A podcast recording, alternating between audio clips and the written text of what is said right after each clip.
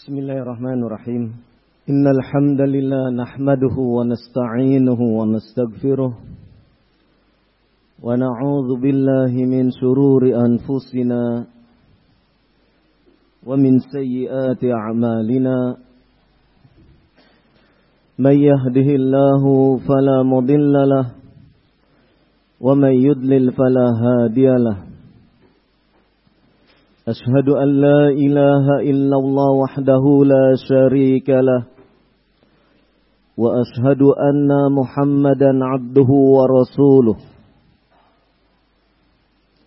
يا أيها الذين آمنوا اتقوا الله حق تقاته ولا تموتن إلا وأنتم مسلمون. يا أيها الناس اتقوا ربكم الذي خلقكم من نفس واحدة وخلق منها زوجها وبث منهما رجالا كثيرا ونساء واتقوا الله الذي تساءلون به والأرحام إن الله كان عليكم رقيبا يا أيها الذين آمنوا اتقوا الله وقولوا قولا سديدا. يصلح لكم أعمالكم ويغفر لكم ذنوبكم. ومن يطع الله ورسوله فقد فاز فوزا عظيما. أما بعد فإن أصدق الحديث كتاب الله. وخير الهدي هدي محمد صلى الله عليه وعلى آله وسلم. وشار الأمور محدثاتها فإن كل محدثة بدعة وكل بدعة ضلالة وكل ضلالة في النار.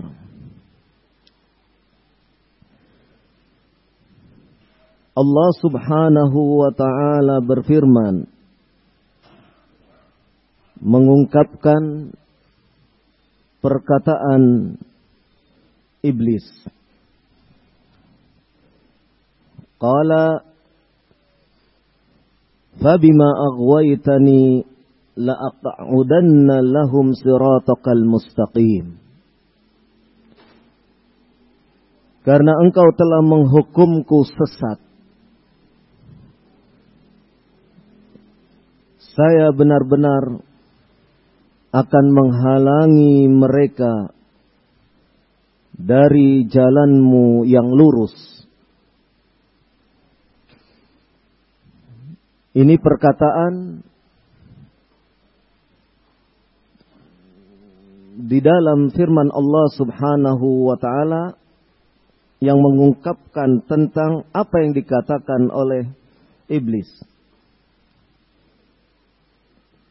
Bahwasannya iblis setan telah berbulat tekad untuk benar-benar menghambat, menghadang, menghalangi hamba-hamba Allah Subhanahu wa taala dari jalan Allah yang lurus. Kemudian diungkapkan di dalam firman Allah Subhanahu wa taala ini Thumma la'atiyannahum min baini aydihim wa min khalfihim wa an aymanihim wa an syama'ilihim wa la tajidu aktsarahum syakirin. Dalam surat Al-A'raf ayat ke-16 dan 17 di dalam surat Al-A'raf ayat ke-17 disebutkan kemudian la'atiyannahum sungguh saya akan mendatangi mereka. Setan akan mendatangi hamba-hamba Allah Subhanahu wa taala. Min baini aidihim wa min khalfihim dari arah depan dan dari arah belakang. Wa an aimanihim wa an syama'ilihim dari arah kanan dari sisi kanan ataupun dari arah sebelah kiri. Wala tajidu aktsarahum syakirin maka tidak akan kau dapati kebanyakan dari mereka yaitu sebagai orang-orang yang bersyukur. Setan telah berbulat tekad untuk menghadang, menghalangi manusia dari jalan Allah Subhanahu wa taala. Setan telah berusaha untuk menjadikan hamba-hamba Allah Subhanahu wa taala ada di dalam cengkeramannya sehingga manusia tidak di atas jalan Allah Subhanahu wa taala yang lurus. Karenanya Ibnul Qayyim rahimahullah menyebutkan bahwasannya ada dua macam godaan setan. Sehingga manusia kemudian terjatuh. Terjatuh, tergelincir dari ketetapan dari ketentuan yang sudah disyariatkan oleh Allah Subhanahu wa taala. Apa itu bentuk godaan setan terhadap diri manusia? Yang pertama, setan menanamkan pada seorang hamba untuk bersikap mutasyahil. Bermudah-mudahan. Menyepelekan, meremehkan terhadap syariat Allah subhanahu wa ta'ala sehingga ia kemudian bermalas-malasan.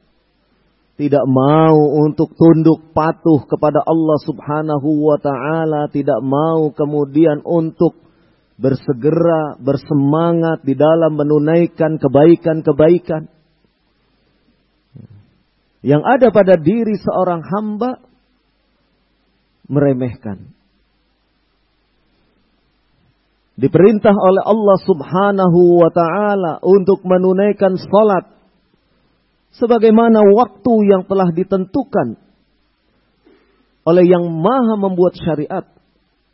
Ketentuan ketetapan waktu-waktu salat adalah Allah Subhanahu wa taala yang menetapkan. Tetapi kemudian manusia meremehkan. Kemudian manusia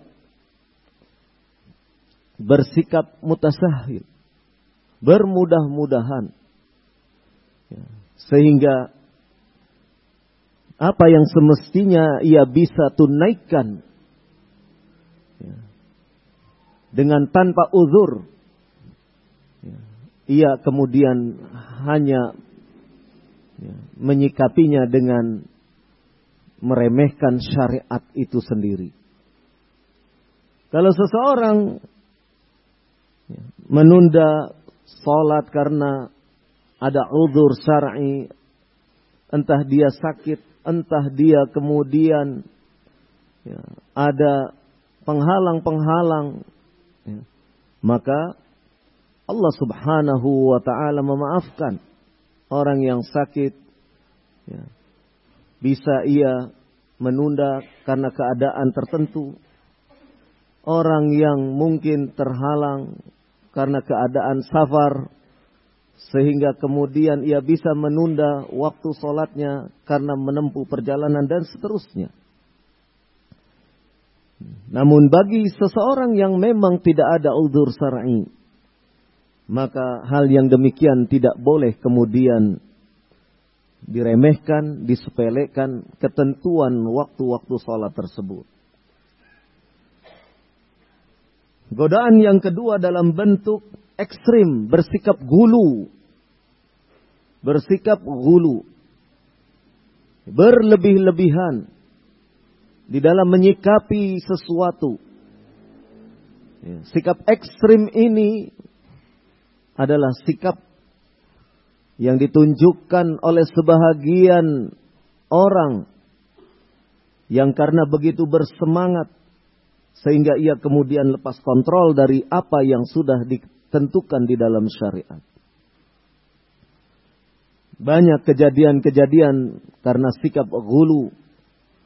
Kemudian seseorang terjatuh kepada larangan-larangan, kepada sesuatu yang diharamkan oleh Allah Subhanahu wa taala.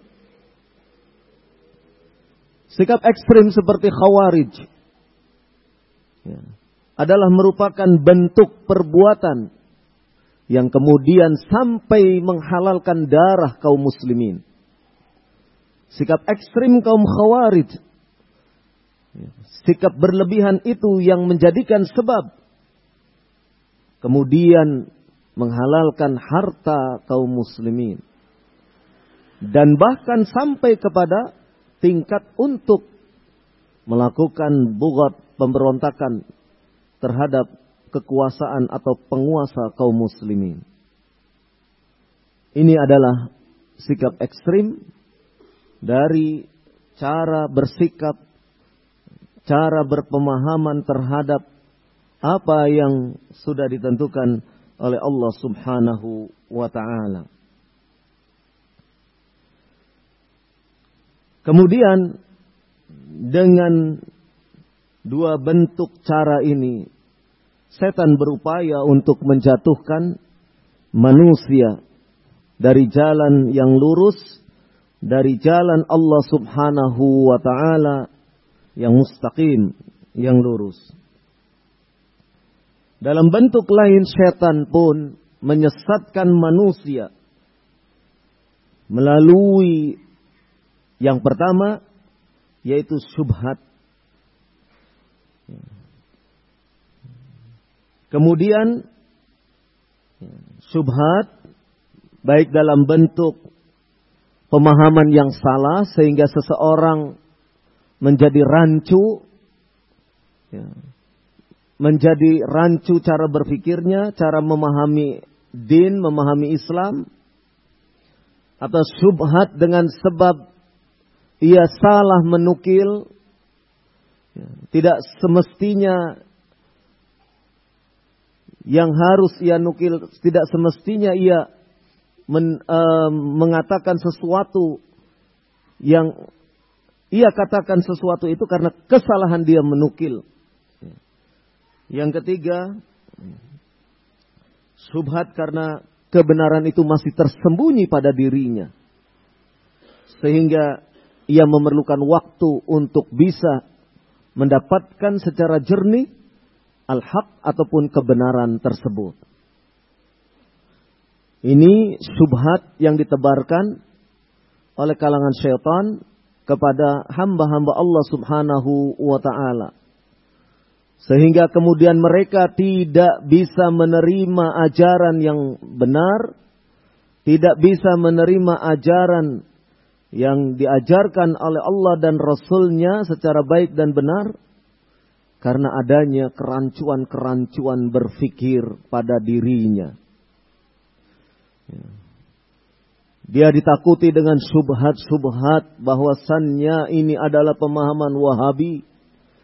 Dia dirancukan pemikirannya bahwasannya ini adalah pemahaman-pemahaman garis keras dia dirancukan pemikiran pemahamannya bahwasannya ajaran-ajaran yang ditebarkan oleh kelompok tertentu adalah kelompok yang menyimpang. Padahal ya, ketika dikaji secara ilmiah, dibuktikan secara ilmiah, apa yang disampaikan, apa yang dituduhkan tidak ada. Ya. Ini subhat yang ditebarkan. Sehingga orang tidak bisa untuk mendekat. Sehingga orang tidak bisa untuk kemudian mendapatkan pemahaman yang semestinya ia dapatkan. Bala tentara syaitan sedemikian banyak.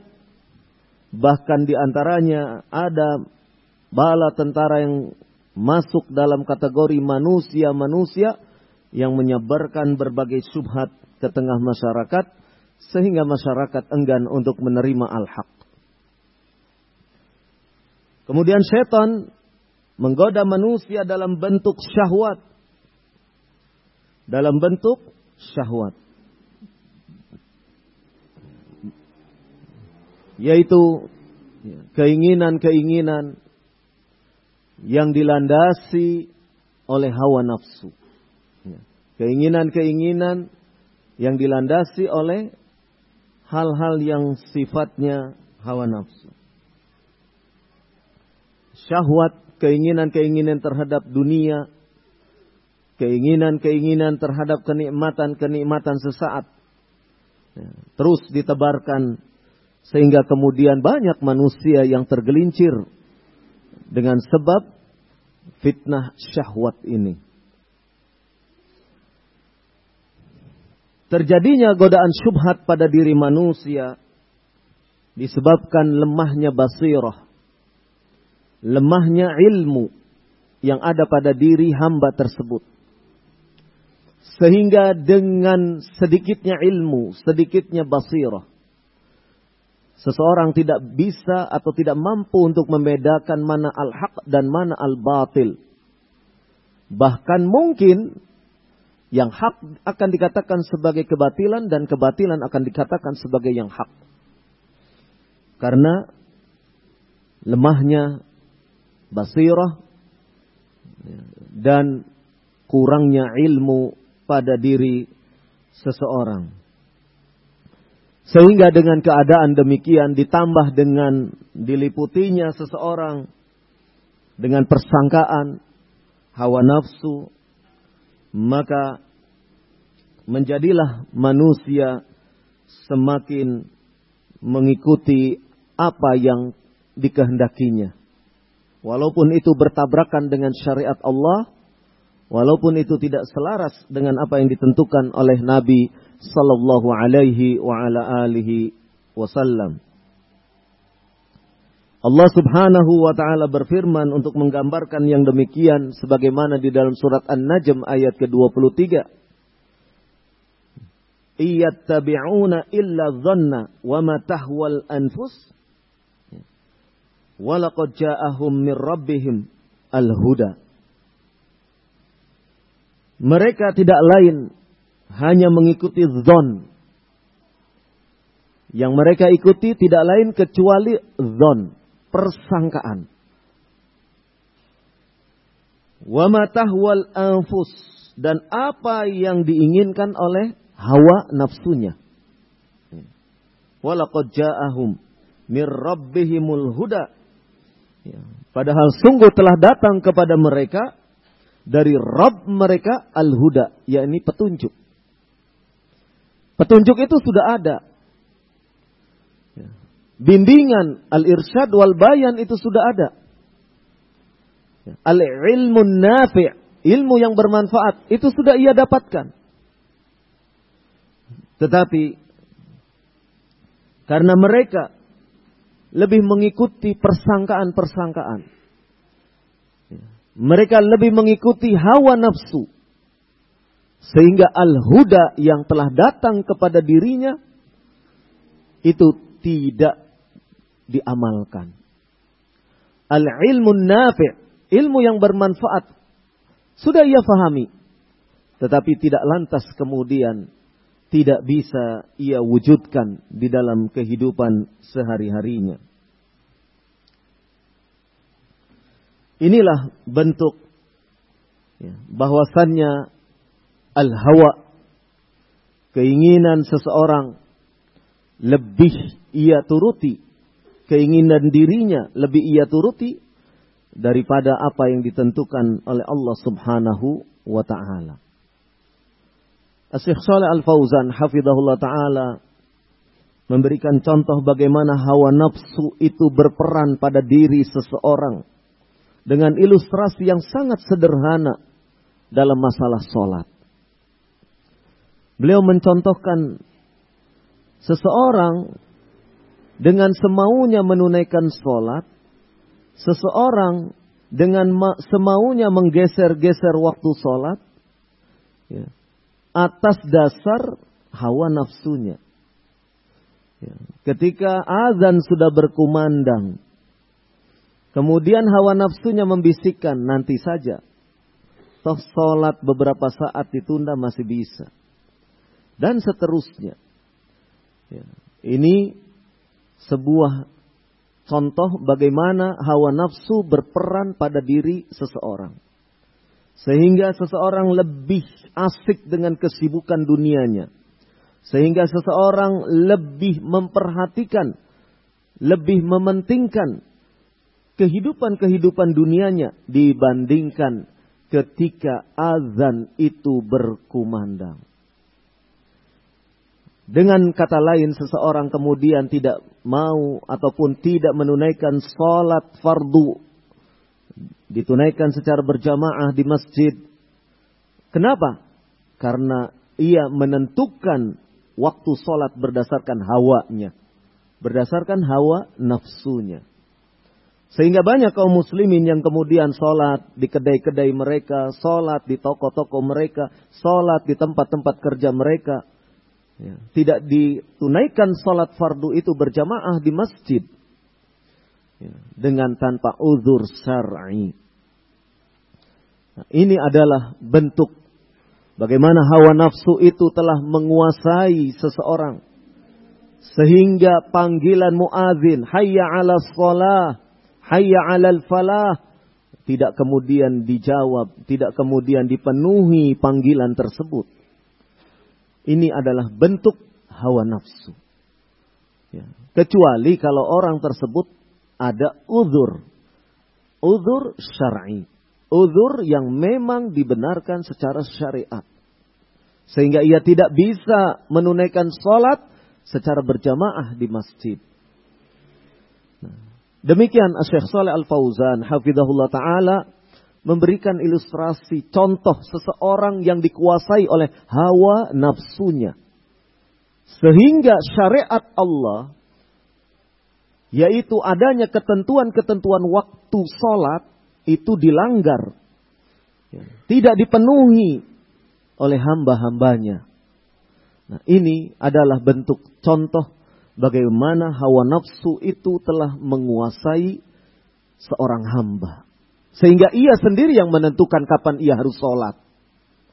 Sehingga ia sendiri yang memastikan saya akan sholat nanti jam segini saja. Ya. Nah. Padahal ia mendengar muazin mengumandangkan azan. Padahal ia mendengar ya, dan mengetahui waktu ketetapan sholat itu telah tiba.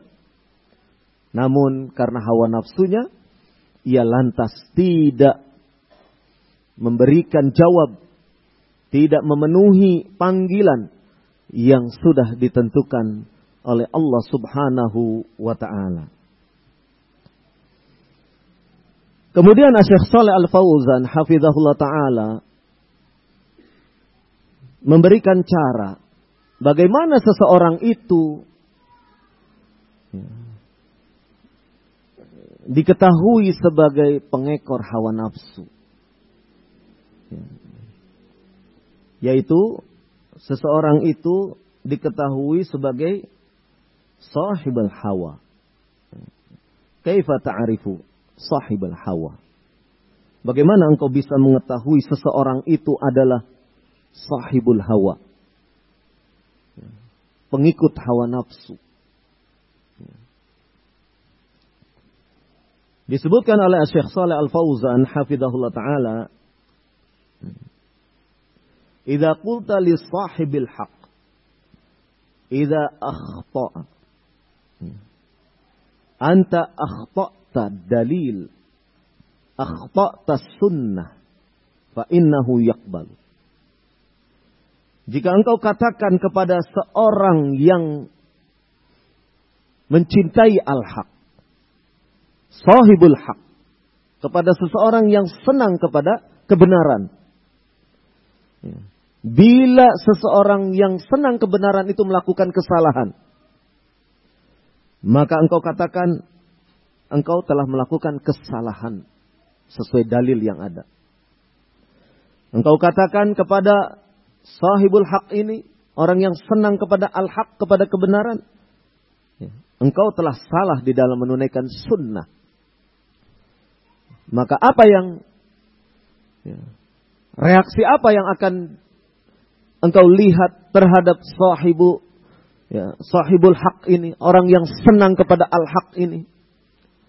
Ya, maka engkau akan dapati orang yang cinta kepada kebenaran, dia akan menerima nasihatmu.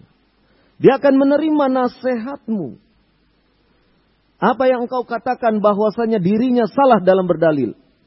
Apa yang engkau katakan terhadap orang yang cinta kepada kebenaran ini bahwasanya engkau salah dalam menunaikan sunnah. Maka orang ini karena dia senang kepada kebenaran, orang ini cinta kepada al-haq, maka orang ini kemudian akan menerimanya. Akan menerima terhadap teguran tersebut. Kenapa demikian? Di annahu qasdahul haq. Karena sesungguhnya yang ia inginkan tergapainya al-haq pada dirinya. Walaysa qasdahul intisaru li ra'yi. Dan orang yang berpegang teguh kepada kebenaran dan cinta kepada kebenaran itu, dia bukan dalam rangka untuk membela ro'yunya, membela pendapatnya, membela pikirannya. Bukan. Sehingga ketika ia disalahkan, sehingga ketika ia dikatakan engkau salah, engkau ini, begini, dan seterusnya. Dia menerima. Itu orang yang mencintai al-haq. Itu orang yang mencintai kebenaran. Qala ama idza qulta li sahibil hawa. Adapun engkau bila katakan kepada sahibul hawa, pengekor hawa nafsu, anta akhta'ta engkau telah salah. Fa innahu yaghdabu wa yastaddu. Maka sahibul hawa itu akan marah. Akan membenci engkau. Yang telah menunjukkan kesalahannya. Bahkan ia akan bersikap keras. Menolak terhadap apa yang kau katakan. Kata Syekh Saleh Al-Fauzan hafizahullah taala, "Wa hadhihi alamatu ahli hawa." Dan ini adalah tanda dia itu seorang ahlul hawa. Seorang pengikut, pengekor hawa nafsu. Kenapa demikian? Anna kulla wahidin yuridu ayyan tansira lahu lihawahu. Karena sesungguhnya setiap orang menginginkan ya, agar bisa ya, membela hawa nafsunya. Dia menginginkan bahwasannya yang akan dia bela adalah hawa nafsunya. Bukan al-haq itu sendiri. Bukan al-haq itu sendiri. Beda dengan sahibul haq yang tadi. Dikatakan engkau salah. Engkau telah menyelisih sunnah. Dia langsung ya, tanabah. Langsung perhatian. Langsung dia merespon. Iya saya salah. Ya. Kalau demikian saya harus ya, rujuk. Kalau demikian saya harus kembali kepada al-haq. Berbeda dengan orang yang mengikuti hawa nafsu ketika diberitahu ia salah, ia melakukan satu bentuk kesalahan, maka ia akan menunjukkan kemarahannya. Ia akan menunjukkan ketidaksukaannya. Ia akan menunjukkan sikap kerasnya. Ya. Bahkan menolak secara keras. Ini beda ahlul hak dengan ahlul hawa. Ya. Ahlul hak dengan ahlul ahwa. Beda di sini. Ya. Sehingga dari sinilah kita mengetahui siapa orang yang memang dia mencintai terhadap ketaatan. Siapa orang yang memang mencintai kepada sunnah. Siapa orang yang kemudian mencintai kepada al-haq kebenaran.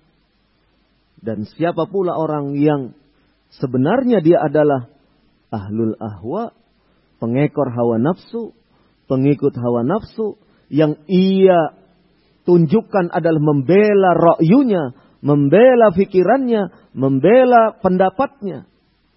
Ya. Bukan membela al-haq itu sendiri. Ya. Dia membela hawa nafsunya.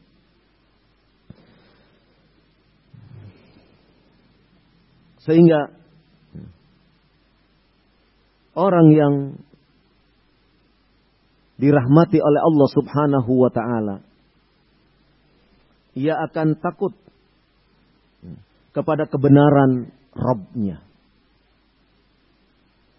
Dan ia akan mencegah dirinya dari hawa nafsu yang ada. Ya.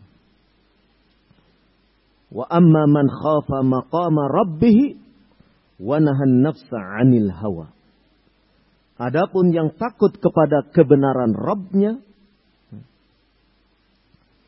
dan ia mencegah nafsunya dari al-hawa, keinginan-keinginan. Dia mencegah dari hawa nafsunya. Ia berusaha untuk mencegah dari hawa nafsunya. Ya. Terkait dengan surat An-Nazi'at ayat ke-40 41 ini Al-Imam Al-Qurtubi dalam tafsirnya menyebutkan yang dimaksud dengan wa amma man khafa maqama rabbih wa nahan nafsa 'anil hawa fa innal jannata hiyal ma'wa. Beliau menyebutkan jazraha 'anil ma'asi wal maharim ya. bahwasannya ya, memperingatkan dari perbuatan maksiat dan perbuatan yang haram. Mencegah seseorang dari perbuatan maksiat dan perbuatan-perbuatan haram.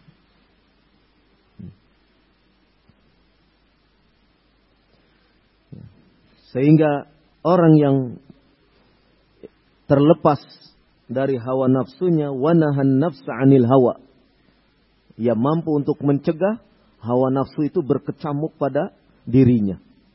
Hawa nafsu itu mencengkram dirinya. Ia bisa terbebas dari hal yang demikian. Maka seseorang yang bisa melepaskan diri dari hawa nafsunya, fa innal jannata hiyal ma'wa, maka sungguhnya ia mendapatkan al jannah sebagai tempat tinggalnya. Ya, sebagai tempat kembalinya. Balasan bagi seseorang yang ya, tidak terjerat kepada hawa nafsunya, ia akan mendapatkan ha, mendapatkan al jannah. Maka bagi kita ada upaya untuk bisa meredam hawa nafsu sehingga tidak tumbuh, sehingga tidak berkecamuk ya, menguasai diri seorang hamba.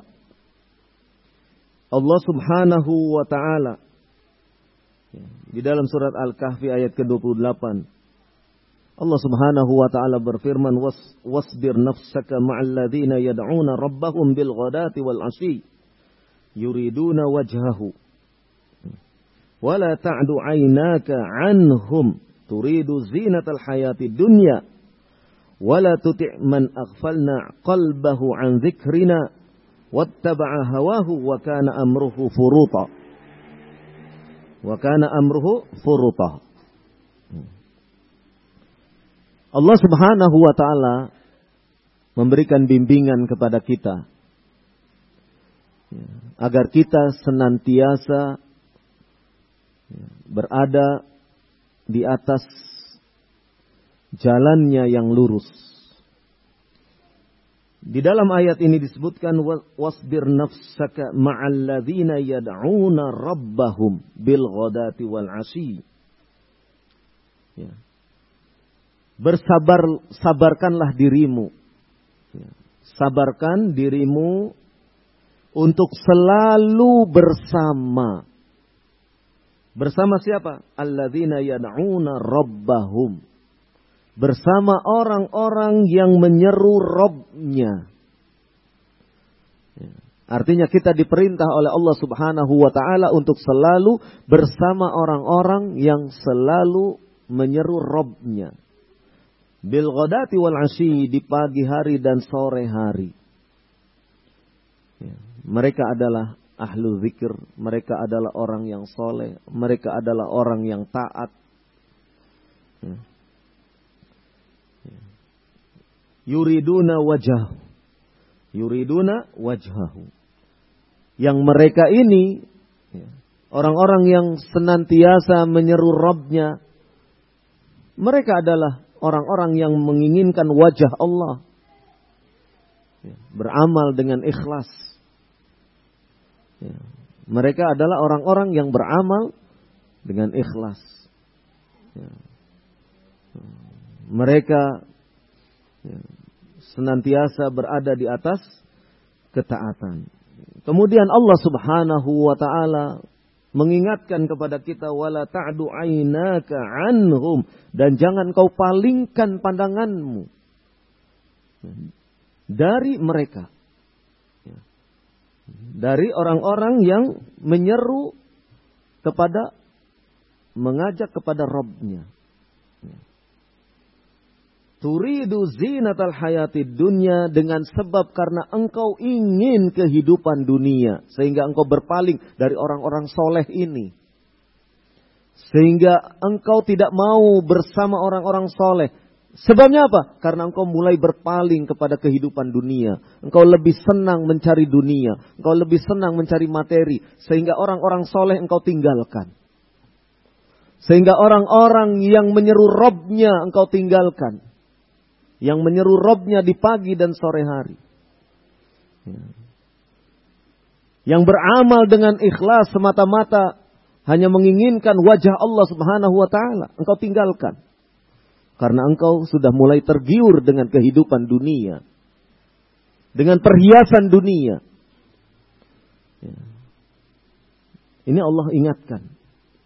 Ya. Kemudian wala tuti' man aghfalna qalbahu an zikrina. Dan jangan engkau ikuti orang yang telah kami lalaikan hatinya an zikrina dari mengingat kami, dari mengingat Allah Subhanahu wa taala. Ya, Allah ingatkan kepada kita jangan ikuti orang yang seperti ini. Yaitu apa? Orang yang hatinya lalai dari berzikir, dari mengingat Allah Subhanahu wa taala. Ya, di satu sisi ya, seseorang telah melepaskan dari orang-orang soleh karena tergiur dengan kehidupan dunia, dengan perhiasan dunia. Kemudian Allah larang, jangan engkau ikuti orang-orang yang hatinya telah dilalaikan oleh Allah. Lalai dari mengingat Allah. Jangan ikuti. Kemudian Allah Subhanahu wa taala berfirman, ya. "Wattaba'a hawahu." Ya. Orang ini lalai dari berzikir kepada Allah Subhanahu wa taala, wattaba'a hawahu dan mengikuti hawa nafsu. Dan engkau ikuti hawa nafsu. Wa kana amruhu furuta dan adalah keadaannya itu menjadi melewati batas. Ya. Nah, di sini diperintah oleh Allah Subhanahu wa taala untuk tidak mengikuti orang-orang yang telah lalai hatinya mengingat Allah Subhanahu wa taala dan orang yang mengikuti hawa nafsu. Ya, ya ketika sudah bukan lagi syariat Allah yang diikuti karena dia sudah lalai, lantas siapa lagi yang diikuti? Tidak ada lain kecuali hawa nafsunya. Ya, inilah keadaan yang sangat berbahaya ya, bagi seorang hamba. Ya. Kondisi yang demikian ini akan menjadi sesuatu yang rawan ya, ketika ia sudah mulai ya, meninggalkan orang-orang soleh. Ya, kemudian setelah ya, meninggalkan orang-orang soleh karena tergiur dengan zina, perhiasan, dunia, ya, materi, dunia, Ya. Kemudian ia bergaul dengan orang-orang yang hatinya lalai dari mengingat Allah dan ia bergaul dengan orang-orang yang mengikuti hawa nafsunya. Ya. Dan keadaannya kemudian menjadi sesuatu yang melewati batas. Ya. Menjadi gulu akhirnya. Nah. Nas'alullah salamah wal afiyah. Na'udzubillah. Ya. Kita berlindung kepada Allah dari keadaan yang buruk seperti ini. Ya. Keadaan yang tidak tentu kita tidak inginkan. Ya. Maka salah satu daripada upaya agar kita tidak mengikuti hawa nafsu. Hendaklah kita selalu bersama dengan orang-orang yang di sini disebutkan ma'alladzina yad'una rabbahum bil ghadati wal 'ashiyyi yuriduna wajha. Orang-orang yang menyeru Robnya ya, di pagi hari dan sore hari. Artinya apa? Menjalankan ketaatan menjalankan ketakwaan pagi hari, sore hari terus dia ya, kita harus bersama dengan orang-orang yang seperti ini. Ya. Yuriduna wajahu dan dia selalu ingin mendapatkan wajah Allah karena dia beramal ikhlas. Yang dia inginkan orang-orang yang menyeru Robnya ini yang dia inginkan adalah semata-mata wajah Allah. Artinya ditunaikan dengan penuh keikhlasan. Inilah yang harus kita ikuti. Ketika hawa nafsu kita ya, jangan sampai kemudian menggerogoti ya, keadaan diri kita. Nauzubillah. Ya.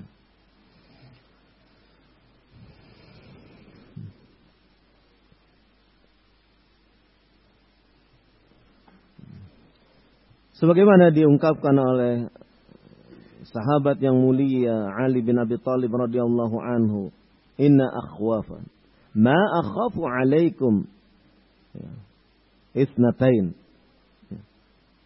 Sesungguhnya aku khawatirkan terhadap diri kalian dua perkara. Apa itu? Ittiba'ul hawa wa tulul amal. Ya. Mengikuti hawa nafsu dan berpanjang angan-angan. Panjang angan-angannya. Fa amma ittiba'ul hawa fayasuddu 'anil haq. Maka mengikuti hawa nafsu akan menjadikan ia terhadang dari kebenaran. Akan terhalang dari ya, dari kebenaran. Wa amma tulul amal fayansi al-akhirah. Adapun panjangnya angan-angan akan melupakan seseorang terhadap akhirat. Inilah perkara yang dikhawatirkan terjadi pada seseorang. Kemudian kata Umar bin Abdul Aziz rahimahullah, "Qad aflaha man usima minal hawa wal ghadabi wat tama'." Sungguh sangat beruntung orang yang dilindungi, dijaga. Dijaga dari apa? Yang pertama, minal hawa. Dijaga dari hawa nafsu. Yang kedua, wal ghadab. Dijaga dari sifat pemarah. Yang ketiga, wat toma. Dijaga dari sifat tamak, rakus. Ya. Ini Berbahagialah orang yang dijaga dari tiga sifat jelek ini. Ya, dijaga sehingga tiga sifat jelek ini tidak ada lagi pada dirinya. Sudah maghrib, mungkin sampai di sini dulu berkaitan dengan masalah ya,